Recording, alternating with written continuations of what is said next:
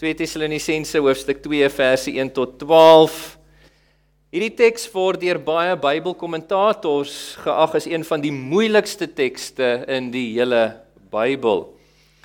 Die tema wat ek met julle wil bespreek dan vanuit hierdie gedeelte vanmôre wat saamhang met ons studie oor Bybelse eskatologie of uh, dit wat die Bybel leer oor die eindtyd is die anti-kris. Die anti-kris. Daai figuur wat in die einde van wêreldgeskiedenis kort voor die wederkoms van ons Here Jesus Christus gaan verskyn tydens 'n laaste groot verdrukking op hierdie aarde. Die apostel Johannes het na hom verwys as anti-kris. Dit is die figuur wat die apostel Paulus na verwys in ons teks as die mens van wetteloosheid. Hy is die tema van vanoggend se woordverkondiging. En die Here wil ons vanoggend inlig omtrent 'n kernaspek van die eindtyd, naamlik die openbaarmaking, die verskyning, die koms van hierdie mens van wetteloosheid kort voor die wederkoms, sodat ons nie sal kop verloor nie. Gemeente dat ons nie verontrus sal word nie. Dat ons nie op 'n dwaalspoor gebring sal word op enige manier nie. Die Here wil ons inlig vanmôre ter wille van ons standvastigheid in die waarheid. Ter wille van ons vertroosting in die Here en ook verskoon tog ter wille van 'n waarskuwing aan diegene wat die Here Jesus Christus nog nie van harte ken as verlosser en Here nie. Met dit gesê, kom ek lees vir ons ons teksgedeelte en dan bid ons vir die Here se hulp. 2 Tessalonisense 2 vanaf vers 1 Die woord van die Here sê wat die koms van ons Here Jesus Christus en ons ontmoeting met hom betref, vra ons julle broeders om nie skielik kop te verloor en verontrus te word deur 'n geestesuitspraak of 'n woord of 'n brief wat skynbaar van ons af sou kom en waar volgens die dag van die Here reeds aangebreek het nie. Laat niemand julle op enige manier op 'n dwaalspoor bring nie. Want hierdie dinge kan nie gebeur voordat die afvalligheid eers plaasgevind het en die mens van wetteloosheid geopenbaar is nie. Hy is die seun van die verderf, die een wat teenstand bied en hom verhef oor alles wat God of voorwerp van aanbidding genoem word sodat hy selfs in die tempel gaan sit en hom as God gaan voordoen. Onthou julle nie dat ek herhaaldelik met julle oor hierdie dinge gepraat het toe ek nog by julle was nie. En nou weet julle wat dit is wat hom terughou om op sy eie tyd geopenbaar te word. Want die geheimenis van die wetteloosheid is reeds aan die werk. Maar net totdat hy wat hom nou nog terughou uit die weg geruim is. En dan sal die wettelose mens geopenbaar word. Die een vir wie die Here Jesus deur die asem van sy mond sal uitwis. Ja, hy sal hom deur die glans van sy verskyning vernietig.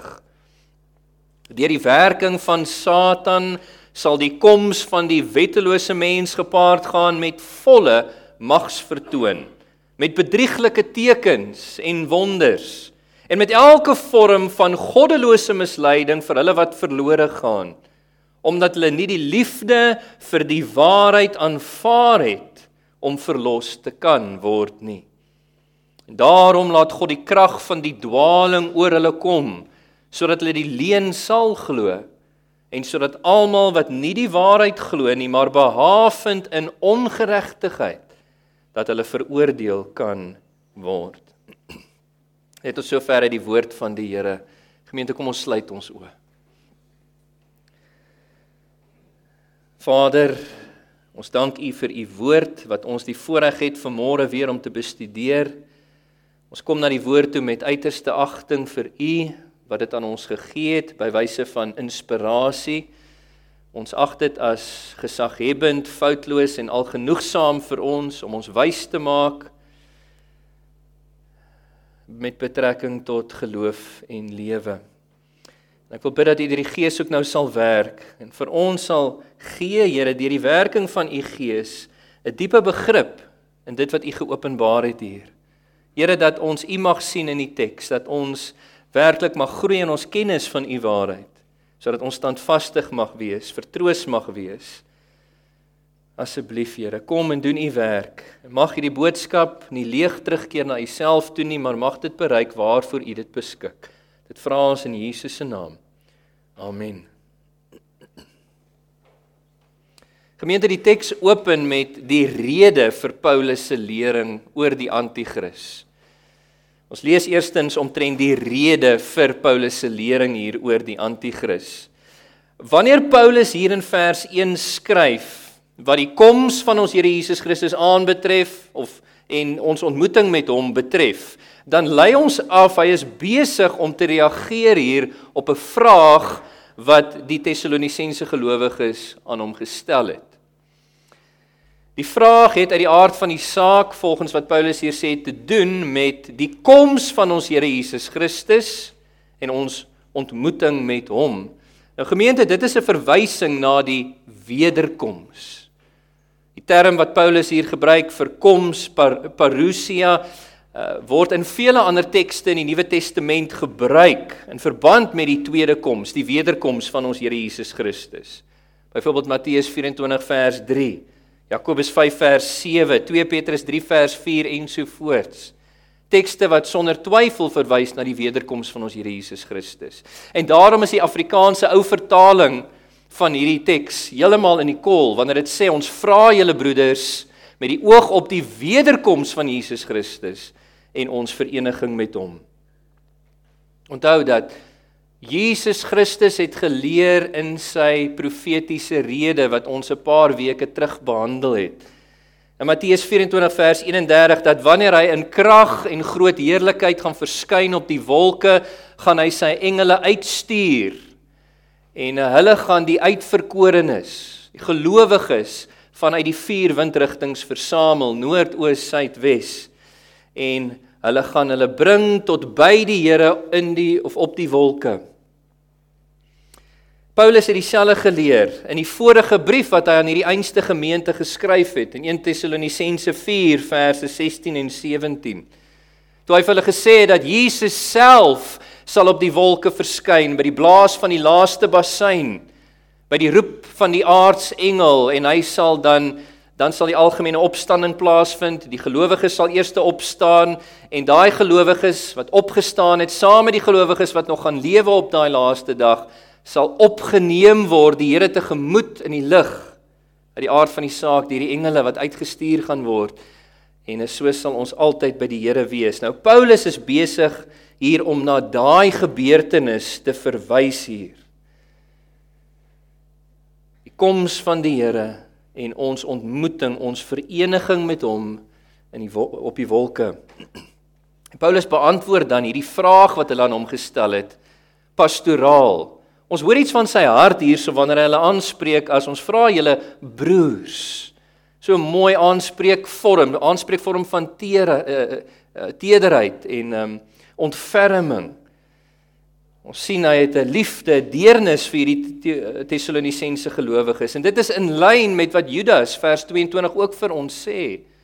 Dat teenoor diegene wat twyfel omdat hulle beïnvloed was deur verkeerde lering wat verward is oor sulkes moet ons ons on, ontferm. En dis presies wat Paulus besig is om hier te doen en hy reflekteer ook die voorbeeld wat Jesus Christus vir ons gestel het.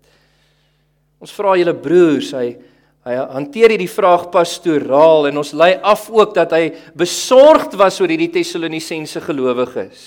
Hy kon sekerlik aflei vanuit hierdie vraag van hulle dat nommer 1 of hulle het sy vorige lering oor die einde verkeerd verstaan. Julle onthou Handelinge 17 vers 1 tot 4 vertel vir ons Paulus was 3 weke in Tessalonika, die stad Hy het vir 3 weke gepreek, geredeneer uit die aard van die saak, gepreek oor die eindtyd met uh, teenoor hulle. En dit mag dalk wees dat hulle hom verkeerd verstaan het. En dis nie onmoontlik nie, want onthou, hulle het almal eers daar gered geraak. So dit is 'n klomp nuwe gelowiges. Hulle is jonk in die Here. nog onvolwasse. Dalk het hulle sy vorige brief wat hy vir hulle geskryf het verkeerd verstaan.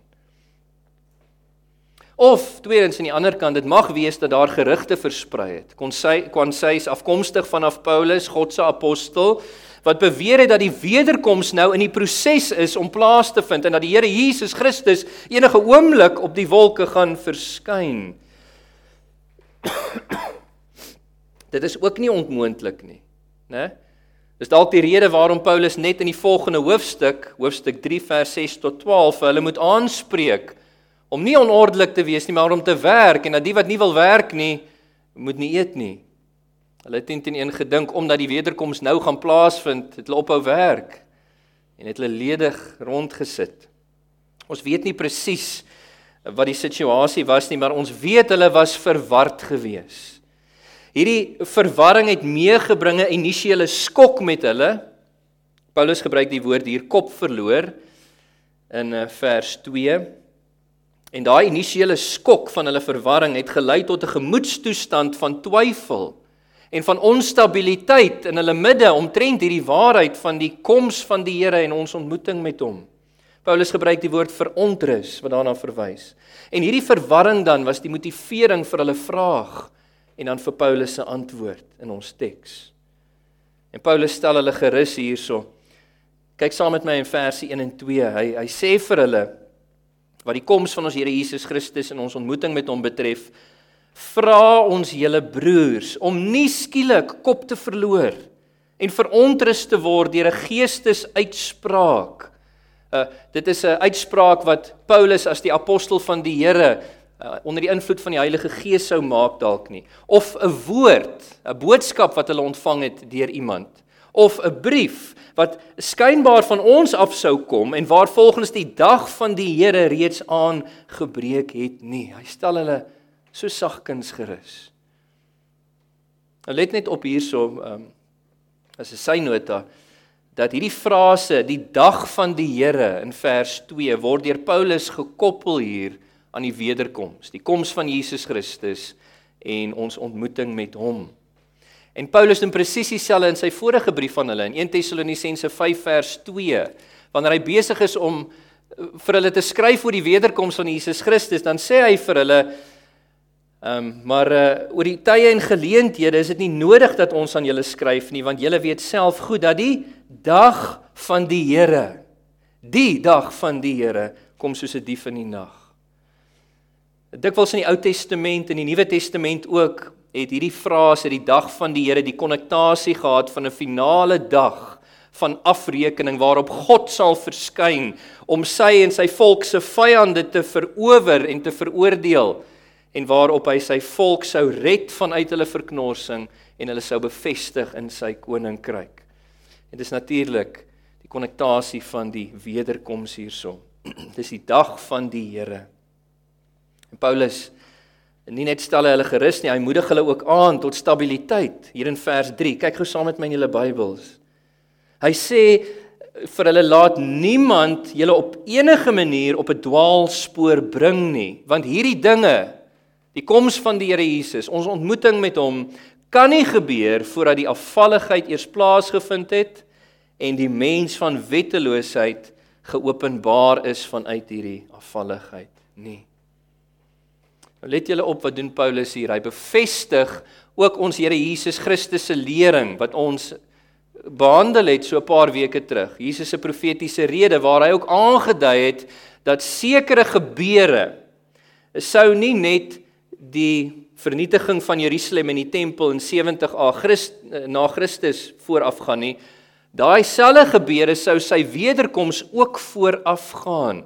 Ons het daarvan gelees in Matteus 24 vers 4 tot 14. Dit sou plaasvind na die loslaat van Satan uit sy binding en in daai laaste groot verdrukking periode op die aarde. Daai tekens wat Jesus genoem het is in Matteus 24 grootskaalse misleiding verse 4 en 5. Grootskaalse oorlog, jy onthou verse 6 en 7. Natuurrampe op groot skaal vers 7. Vervolging wêreldwyd vir Christene vers 9 en uh afvalligheid het Jesus genoem, verse 10 tot 13 en grootskaalse evangelisasie het hy ook genoem vers 14 in daai gedeelte. En in vers 8 het Jesus geïmpliseer dat daai dinge sou toeneem reg deur die kerk era tussen Jesus se eerste en sy wederkoms. Maar dit dat dit spesifiek sou intensifiseer na Satan se loslaat uit sy binding tydens daai laaste groot verdrukking periode op aarde. Dit sou toeneem en intensifiseer soos 'n vrou se geboorte kontraksies voordat die baba geboorte gebore is. Voordat die baba sy verskyning maak en voordat Jesus sy verskyning maak op die wolke sal daai gebeure ook toeneem. Nou soos ek hier genoem het, Jesus praat in sy lering van 'n groot afvalligheid wat gaan plaasvind. Dis dieselfde afvalligheid wat Paulus hier noem in ons teks in vers 3. Jy hoef nie so intoe te blaai nie, maar ek lees vir julle Matteus 24 verse 10 tot 12 Jesus het gepraat en gesê voor die einde sal baie tot 'n val kom. Hulle sal mekaar oorlewer en mekaar haat. Baie valse profete sal verskyn. Hulle sal baie mense mislei.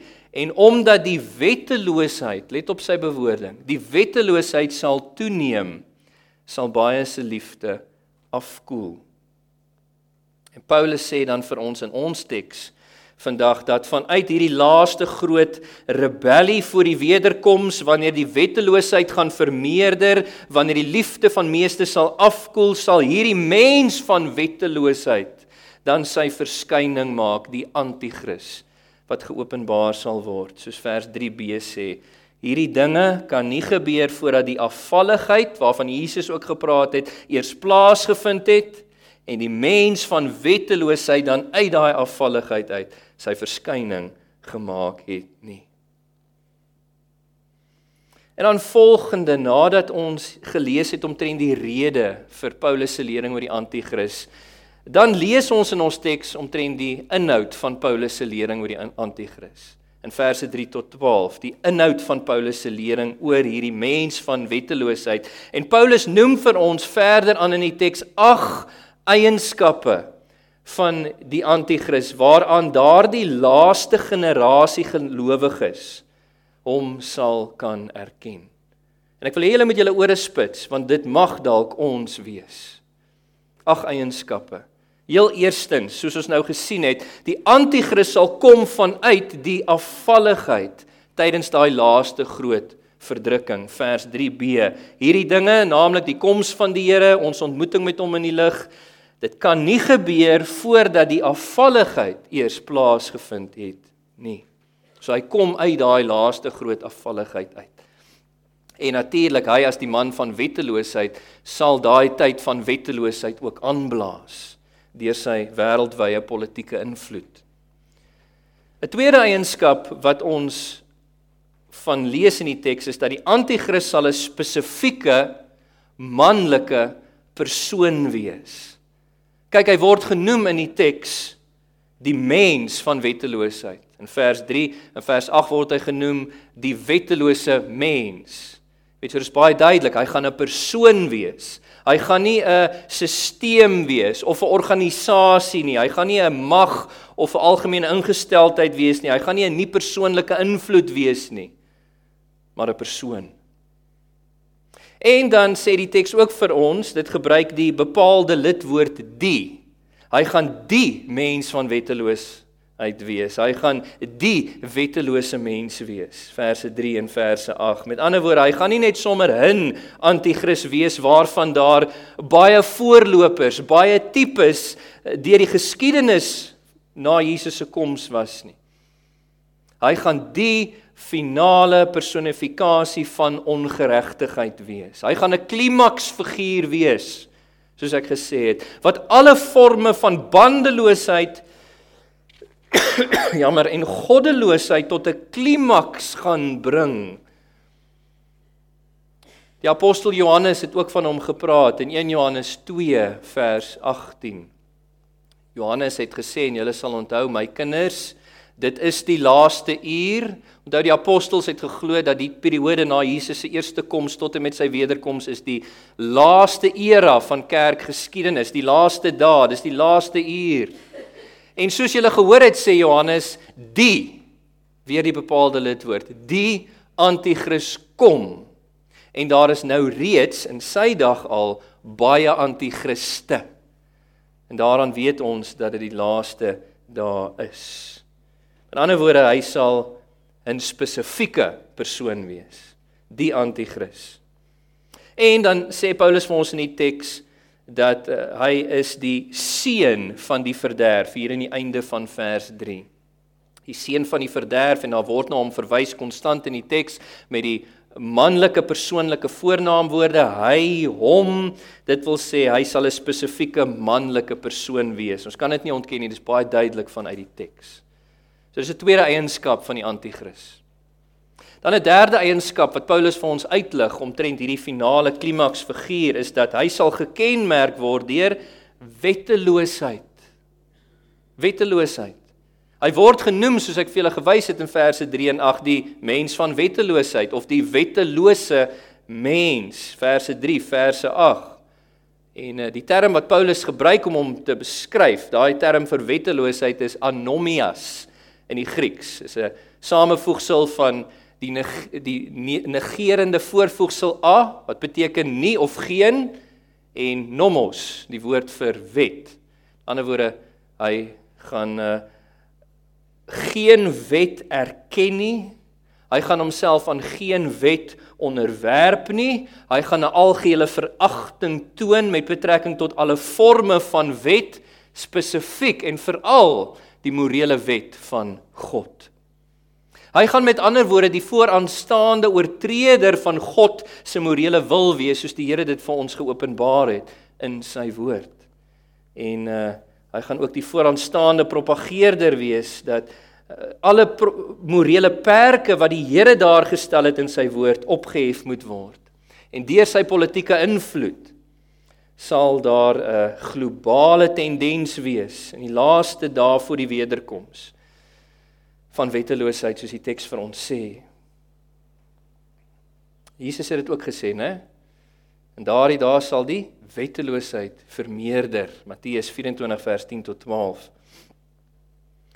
Dan nog 'n eienskap van die anti-kris wat Paulus vir ons hier in die teks uitlig is dat die anti-kris sal die kerk vervolg. Hy word na verwys hier in vers 4. Kyk saam met my in julle Bybels as die een wat teenstand bied. Met ander woorde, hy sal met die ingesteldheid van vyhandige gesindheid sterk oppositie bied wat die term uh, natuurlik wat Paulus gebruik hier beteken. Hy gaan oppositie bied. Ons kan die vraag vra waaraan uh, waarteen gaan hy teenstand bied? Wel, die vooruitgang van God se saak in hierdie wêreld. Hy gaan teenstand bied teen Jesus se koninkryk en die kerk se uitvoer van die groot opdrag om dit te laat gebeur. En hy sal dit doen deur vervolging. En hier wil ek bietjie kyk na van die ander profeseë oor hierdie laaste figuur, hierdie anti-kris wat ons in die Ou en die Nuwe Testament het wat hierdie selfde waarheid bevestig. Ons lees byvoorbeeld, jy hoef nie so intoe te blaai nie, maar in Daniël hoofstuk 7 vers 25 Daniël praat van hierdie koning, hierdie figuur waarvan daar 'n initiële vervulling was in die jaar 186 voor Christus die in die persoon van Antiochus Epiphanes maar dit daar gaan weer 'n vervulling wees in die anti-kris van hierdie selfde waarheid. Dit sê hy sal die heiliges van die allerhoogste allerhoogste tuister hy sal poog om feestydde en die wette verander en om die heilig die heiliges jammer sal in sy hand gegee word vir 'n tyd en tye en 'n halwe tyd. Anders hy gaan die die die die heiliges van die Here tuister. Hulle gaan in sy hand oorgegee word. En uh die boek van Openbaring praat ook van hierdie laaste figuur in hoofstuk 13 en dit sê weer eens van hom in vers 7 van hoofstuk 13 hy is toegelaat om teen die heiliges oorlog te voer en hulle te oorwin. Behalwe vir sy vervolging van die kerk sê die teks ook dat aan hom is volmag gegee oor elke stam, volk, taal en nasie. Aan die ander wyse hy sal die kerk vervolg. Dan 'n vyfde eienskap van hierdie hierdie figuur wat Paulus van praat in ons teks, die anti-kris, is hy sal gekenmerk word ook deur godslastering, nie net deur wetteloosheid nie, maar godslastering. Kyk wat sê vers 4 vir ons verder. Nie net sal hy teenstand bied in die kerk nie, hy sal homself verhef oor alles wat God of voorwerp van aanbidding genoem word, sodat hy selfs in die tempel van God gaan sit en hom as God voordoen. Nou Paulus gebruik hier die term vir verhef uh, wat vertaal word as verhef, operairo uit die Grieks wat beteken om met die gesindheid van hoogmoed. En kyk, hy gaan 'n intense hoogmoedige persoon wees, verwaand om met die ingesteldheid van arrogansie op te staan teen en in woord en daad dan probeer om te verplaas. En dit is die idee wat ons kry vanuit Paulus se woorde hier. Hy gaan probeer opstaan teen God in woord en daad en probeer om hom te verplaas. Ook dit bevestig die profeseë van die res van die Bybel oor hierdie figuur. Jy hoef nie te blaai nie, ek lees weer vir julle Daniël 7 vers 25. Dit praat van hierdie figuur. Dit sê woorde gerig teen die hoogste, dit is God, sal hy uitspreek. Net 4 hoofstukke later sê Daniël weer, daai koning Daai persoon, daai magsfiguur wat gaan verskyn sal doen wat hy wil. Julle hoor, hy gaan wetteloos wees. En dit sê hy sal homself verhef en hom groot waan teen elke god en teen die god van gode, dit is ons God, sal hy verstommende dinge kwytraak. Hy sal voorspoedig wees totdat die vervloeking tot 'n einde kom, want dit is vooruit bepaal en dit sal uitgevoer word baie duidelik. Ook Openbaring 13 waarna toe ek julle nou-nou verwys het, sê dieselfde oor hierdie figuur van sy met betrekking tot sy godslastering. Dit sê in verse 5 en 6 van Openbaring 13 aan hom is 'n mond gegee om grootpraterige en godslasterlike dinge mee kwyt te raak. Aan hom is volmag gegee om dit 42 maande lank te doen. Hy het sy mond geopen om God en ook sy naam en sy woonplek en hulle wat in die hemel woon te belaster. Van 'n godslasterlike persoon wees. Hierdie verwysing wil ek net noem na hy sal sit in die tempel van God moet ons nie kras letterlik verstaan nie omrede Toe ons Jesus se profetiese rede behandel het, het ons gesien dat die verwoesting van daai laaste tempel wat gestaan het van die Jode in die jaar 70 na Christus deur die Romeine, daai was 'n permanente verwoesting. Dit volgens die profesie van Daniël hoofstuk 9 vers 26 en 27. Onthou, Daniël het geprofeteer dat wanneer daai spesifieke tempel val, sal die verwoesting tot aan die einde wees die einde van geskiedenis. Jesus het daai selfde uh, idee gekommunikeer in Matteus 23 vers 38 39 toe hy die vervloeking oor daai laaste tempel uitgespreek het en gesê het hele huis word vir julle verwoes agtergelaat het hy bygevoeg julle sal my nie weer sien totdat julle ook sal sê geseënd is hy wat kom sy wederkoms in die naam van die Here nie met ander woorde dis 'n verwoesting tot en met die einde tot en met sy koms. So daar gaan nie weer 'n letterlike tempel herbou word vir hom om in te sit nie.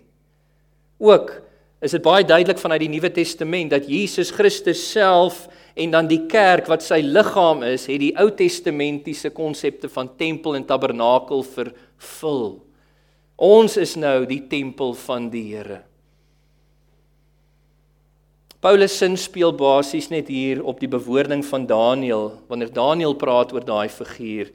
En hy dui vir ons net aan met hierdie woorde dat die anti-kris sal gekenmerk word deur grootpraterigheid en intense godslastering. Dat hy die Here gaan probeer verplaas van sy regte regmatige plek af. Dan 'n sesde eienskap wat Paulus vir ons hier uitlig omtrent die anti-kris nie net dat hy wetteloos is dat hy die kerk sou vervolg, dat hy gekenmerk sal word deur godslastering nie, maar hy word tans teruggehou sodat hy nie sy verskyning nou maak nie, maar op sy eie tyd. Hy word tans teruggehou. Let op, Paulus verwys na 'n lering hier wat hy in persoon aan hulle gebied het. In verse 5 en 6. Kyk gou na vers 5 saam met my. Paulus sê vir hulle hierdie woorde: Onthou julle nie dat ek herhaaldelik met julle oor hierdie dinge die dinge gepaard gaande met die koms van die Here en ons ontmoeting met hom dat ek hierdie dinge oor hierdie dinge met julle gepraat het toe ek nog by julle was nie. Hy sê vir hulle in vers 6 nou weet julle wat dit is wat hom terughou om op sy eie tyd geopenbaar te word. Paulus het heel waarskynlik hierdie lering waarna hy verwys aan hulle gebied in daai 3 weke periode wat hy lering gebied het in Tessalonika volgens Handelinge 17 vers 1 tot 4. En uh, hulle het geweet wie of wat dit was wat die anti-kris terughou. Maar ons weet nie meer nie. Daai kennis is verlore vir ons. En daarom bestaan daar baie spekulasie in teologiese kringe oor wie of wat dit is wat terughou. Kyk, volgens die teks kan dit beide iets wees wat die verskyning van die anti-kris terughou. Kyk na vers 6, dit sê en nou weet julle wat dit is wat hom terughou. In die teks is dit verwys dit na 'n onpersoonlike iets. Maar in vers 7 sê hy weer want die wetteloosheid, die geheimenis van wetteloosheid is reeds aan die werk, maar net totdat hy wat hom nou terughou. En daar is dit weer 'n persoonlike 'n voornaamwoord wat gebruik word. So dit kan beide iets of 'n iemand wees en daarom het teoloë al deur die, die geskiedenis van die kerk geargumenteer dat dit is die Heilige Gees wat hom terughou. Totdat die Heilige Gees weggeruk, weggeneem gaan word. Dit is baie moeilik om dit te glo dat God ooit uit sy skepping uit verwyder kan word. Um, ander het geargumenteer dit is georganiseerde regering wat hom terughou. Ander het geargumenteer dis 'n Romeinse keiser Ander weer het gesê dis dalk die uh, Joodse hoofpriester en so aan, maar ek wil vanoggend vir julle sê alle spekulasie is nie behulpsaam nie. En dit is gevaarlik. Ons moet erken ons weet nie. Maar wat ek julle wel wil uitwys is dat die terughou van die anti-kris hou verband met die binding van Satan waarvan ons lees in Openbaring 20 vers 1 tot 3. Julle sal onthou met die openingsboodskap van ons studie oor eskatologie het ons gekyk na Openbaring 20 vers 1 tot 10. En ons het gesien dat Satan was gebind deur die kruiswerk van ons Here Jesus Christus op Golgotha vir daai simboliese 1000 jaar, daai daai lang volmaakte periode. En dit was uitgebeeld in die simboliese boek van Openbaring as 'n engel wat uit die hemel uit neerdal en hierdie draak van ouds met 'n ketting bind en hom in 'n skag afgooi in die onderaarde en dit sluit boor hom. Hy was gebind sodat hy die nasies nie meer sou mislei nie. Dit beteken nie hy's nie meer aktief nie. Hy loop steeds rond soos 'n brullende leeu op soek na wie enkelvoud hy kan verslind. Hy val gelowiges steeds aan, maar hy kan nie meer die nasies mislei nie. Ons het gesien dat hy is by Jesus se kruisdood gebind. Nou ons teks maak dit duidelik dat Satan die een gaan wees wat die anti-kris gaan openbaar. Kyk na vers 9. Dit sê vir ons deur die werking van Satan sal die koms van die wettelose mens wettelose mens gepaard gaan met volle magsvertoon. En die afleiding is dan dat die anti-kris kan nog nie geopenbaar word deur Satan nie, want hy wie hom moet openbaar se binding verhoed dit. En die afleiding is dan verder dat die een wat vir Satan bind is dalk ook die een wat die koms van die anti-kris verhoed. Maar ons wil nie spekuleer nie, né? Dit hou verband. Uiteindelik kan ons wel sê met sekerheid, alhoewel ons nie weet presies wie of wat dit is wat hom nou tans terughou om sy verskyning te maak nie, weet ons dat ons soewereine God wat beskik oor alles wat in sy skepping gebeur dat hy die ware, die uiteindelike oorsaak is van die terughou van die anti-kris. Ongeag wie, ongeag wat hy gebruik as instrument hiervoor. Die anti-kris sal geopenbaar word soos die teks sê wanneer God so besluit. En wanneer die Here daai iets of daai iemand uit die weg uitruim ontruim soos vers 7 hier sê. Kyk in julle Bybels. Dit sê dat die geheimenis van die wetteloosheid is reeds aan die werk net totdat hy wat hom nou terughou uit die weg geruim is. Dit is God die Vader. Die soewereine maghebber oor sy heelal wat daai instrument gaan ontruim weg uit die weg ruim. En dan sal die anti-kris geopenbaar word soos Paulus hier sê in vers 6 op sy eie tyd. 'n Tyd wat God vooraf bepaal het. En hy sal nie 'n oomblik vroeër en 'n oomblik later geopenbaar word nie. Dan 'n sewende eienskap oor hierdie anti-kris wat Paulus noem is dat hy sal Satan se handpop wees. Hy sal Satan se handpop wees. Wanneer eh, Satan uit sy binding losgelaat word kort voor die wederkoms van Jesus Christus, sal Satan vreeslik aktief wees. Eh, in in in daai laaste groot verdrukking periode wat hy sal veroorsaak voor die koms van Jesus. Julle onthou, Satan was ook voor sy binding toe Jesus verskyn het, baie aktief. Ons lees daarvan in die evangelies. Verskriklik baie demoonbesetenheid en en so aan wat ons van lees. Baie aktief en hy gaan weer so aktief wees wanneer hy losgelaat word. En uh sy aktiwiteite gaan daartoe gemik wees om die wêreld te mislei. Ek lees vir julle, julle hoef nie so toe te blaai nie, maar Openbaring 20 vers 7 tot 10.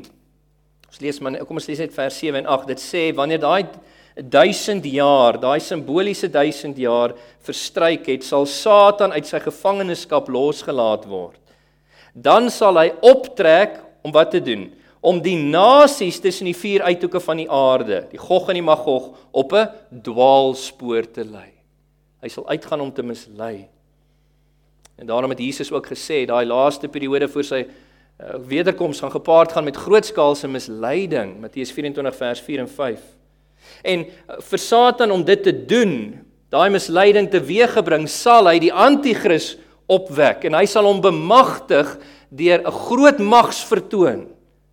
Hy sal hom bemagtig deur bedrieglike tekens en wonders wat Satan sal laat gebeur. Maar hier is vir ons 'n vertroosting dat die gelowiges, die uitverkorenes van die Here, hulle sal nie die slagoffers wees van daai misleiding nie. Dit sal slegs hulle wat verlore gaan soos vers 10 vir ons sê, wat die slagoffer sal wees van daai laaste grootskaalse misleiding. God sal ons beskerm in sy waarheid as ons die laaste generasie is met wie hierdie dinge gebeur of uh, wie ook al daai laaste generasie gaan wees, die Here sal hulle beskerm. Kyk gou saam met my na verse 9 tot 12. Dit sê hierso deur die werking van Satan, dit is nou as hy klaar losgelaat is. Deur die werking van Satan sal die koms van die wettelose mens gepaard gaan met volle mags vertoon. En met bedrieglike tekens en wonders wat Satan sal doen of laat doen. En met elke vorm van goddelose misleiding vir hulle wat verlore gaan. Hoekom? Omdat hulle nie die liefde vir die waarheid aanvaar het om verlos te kan word nie. En daarom laat God die krag van die dwaaling oor hulle kom sodat hulle die leuen sal glo en sodat almal wat nie die waarheid glo nie, die waarheid van die evangelie, maar behaag het in die ongeregtigheid sodat hulle veroordeel kan word. Verskriklike woorde van waarskuwing. En dan 'n laaste eienskap of waarheid van die anti-kris wat ek vir julle wil uitwys hier vanuit die teks wat Paulus noem is hy sal vernietig word by die wederkoms van ons Here Jesus Christus. Hy sal vernietig word by die wederkoms van ons Here Jesus Christus. Vroeër in die teks het Paulus genoem of van die anti-kris genoem dat hy is die seun van die verderf aan die einde van vers 3, né? Die term wat Paulus daar gebruik vir verderf Apolleia in die Grieks beteken verwoesting.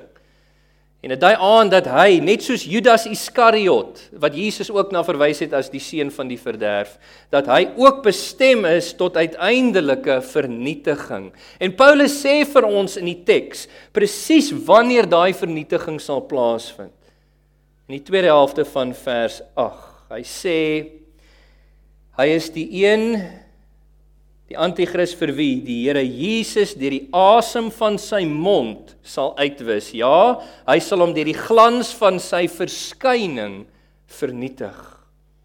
Aan die ander word hierdie spreek van 'n woord sal Christus Satan se laaste rebellie en die anti-kris stuit in hulle spore. En dis net vir ons 'n aanduiding van ons Here Jesus Christus Hy wie die lam is, is ook die leeu van sy ongeëwenaarde mag. Jesus Christus sal die anti-kris se doodsvonnis vel by sy koms. Ons lees daarvan ook in Openbaring 19 vers 20. Hy sal die anti-kris se bestaan beëindig op daai glorieryke dag. En dit, geliefdes, is ook vir ons in lyn met die profesie van Daniël. Ek lees vir julle, julle hoef nie te blaai nie. Daniël 8 vers 19 het gesê Gabriël praat met Daniël. Hy sê: "Kyk, ek gaan aan jou bekend maak wat sal gebeur aan die einde van die vervloeking." Want dit verwys na die vasgestelde tyd aan die einde. So ons weet van watter tydsperiode hy praat en dan sê hy oor hierdie koning wat sal kom, hierdie magsfiguur. Hy sal groot mag hê, maar die nie deur sy eie krag nie. Wat sê Paulus? Satan sal hom te voorskyn bring met groot magsvertoon. So die anti-kris was geprofeteer in Daniël al dat hy hy sal kom deur die magsvertoon van Satan. Nie deur sy eie krag nie. Hy sal ongehoorde verwoesting aanrig en voorspoedig wees in wat hy doen. Hy sal sterk is en die volk van die heiliges vernietig. Deur sy vernuf sal hy slaag met die bedrog wat hy aanrig. In sy hart is hy vol eie waan en onverhoeds sal hy baie mense vernietig selfs teen die vors van die vorste met 'n hoofletter dis Christus Jesus sal hy opstaan maar hoor nou wat sê die teks die profesie sonder mensehand sal hy vernietig word by die koms van Jesus Christus en dit is wat Paulus vir ons lig opwerp Gemeente, dankie vir julle geduld. Dit was 'n mondvol vanmôre. Ek sal julle aanmoedig om die teks verder te gaan bestudeer in die week wat voorlê. Ek wil dit afsluit met hierdie woorde. God het ons vanmôre ingelig omtrent 'n kernaspek van die eindtyd soos ek gesê het, die openbaarmaking van die mens van wetteloosheid kort voor die wederkoms, sodat jy en ek nie ons kop sal verloor soos wat klaar blyklik met die Tessalonisense gelowiges gebeur het oor hierdie onderwerp nie. Dat ons nie verontrus sal word nie dat ons nie op 'n dwaalspoor gebring sal word op enige manier nie, maar eerder dat ons standvastig sal wees in die waarheid van die Here ook met betrekking tot hierdie onderwerp. En sodat ons vertroos mag wees met God se absolute soewereine beheer oor alles wat voorlê in die toekoms. Onthou dit is hy wat nou tans die anti-kris terughou wat ook ons sal beskerm in daardie tyd as ons dit moet beleef. Wat ook die anti-kris sal vernietig by die koms van Jesus Christus. En die Here wil 'n waarskuwing aan ons rig. En ek wil graag hierdie waarskuwing net benadruk aan julle wat ver oggend dalk hier sit wat weet dat jy nog nie vir Jesus ken as jou verlosser en Here nie. Let op wat die uiteinde sal wees van diegene wat die evangelie waarheid van God verwerp en wat kies doelbewustelik om die leuen te glo dat daar nie 'n God is vir wie ons moreel aanspreeklik staan wat ons gaan beoordeel, veroordeel eendag nie en wat kies om te volhard op die weg van ongeregtigheid. Kyk wat sê verse 11 en 12 vir ons. Daarom laat God die krag van die dwaaling oor hulle kom as 'n straf sodat hulle die leuen sal glo uiteindelik. En sodat almal wat wat nie die waarheid van die evangelie glo nie, maar 'n behaag vind in die ongeregtigheid dat hulle veroordeel kan word. Mag die Here jou help om te besef dat jou ewige siel op die spel is. Mag die Here jou help om te besef dat die veroordeling van God soos Paulus daarvan hier praat op jou wag en jou help om te draai na Jesus toe deur bekering en geloof sodat jy ook die reddende genade van God in Jesus Christus kan ontvang. Amen. Kom ons sluit ons oë. Here ons dank U vir hierdie teks, vir U woord. Ons loof, ons prys, ons eer U Here dat U ons nie in die donker gelaat het met betrekking tot dit wat kom nie, maar dat U vir ons deur U heilige apostels geopenbaar het U waarheid.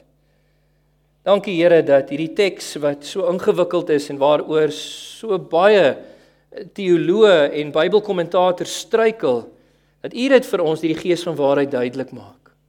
Dat ons dit kan verstaan, al verstaan ons nie alles nie. En Here dat ons in die lig daarvan kan gaan leef. Help vir ons, Here, om soos Paulus hier vir die Tessalonisense gelowiges in die eerste eeu al gesê het, om nie kop te verloor nie, nie verontrus te raak, nie op 'n dwaalspoor gebring te word oor hierdie dinge nie, maar om vas te staan in u waarheid. Omdat ons weet wat u woord vir ons sê. Dankie vir u vertroosting aan ons. En ag Here, as daar enige iemand in ons midde is wat u nog nie ken nie, wat nog nie 'n reddende verhouding met Jesus Christus het nie, trek hulle na u self toe en skenk ook aan hulle die vrugte van bekering en geloof dat hulle u reddende genade mag deelagtig word. Vra ons in Jesus naam. Amen.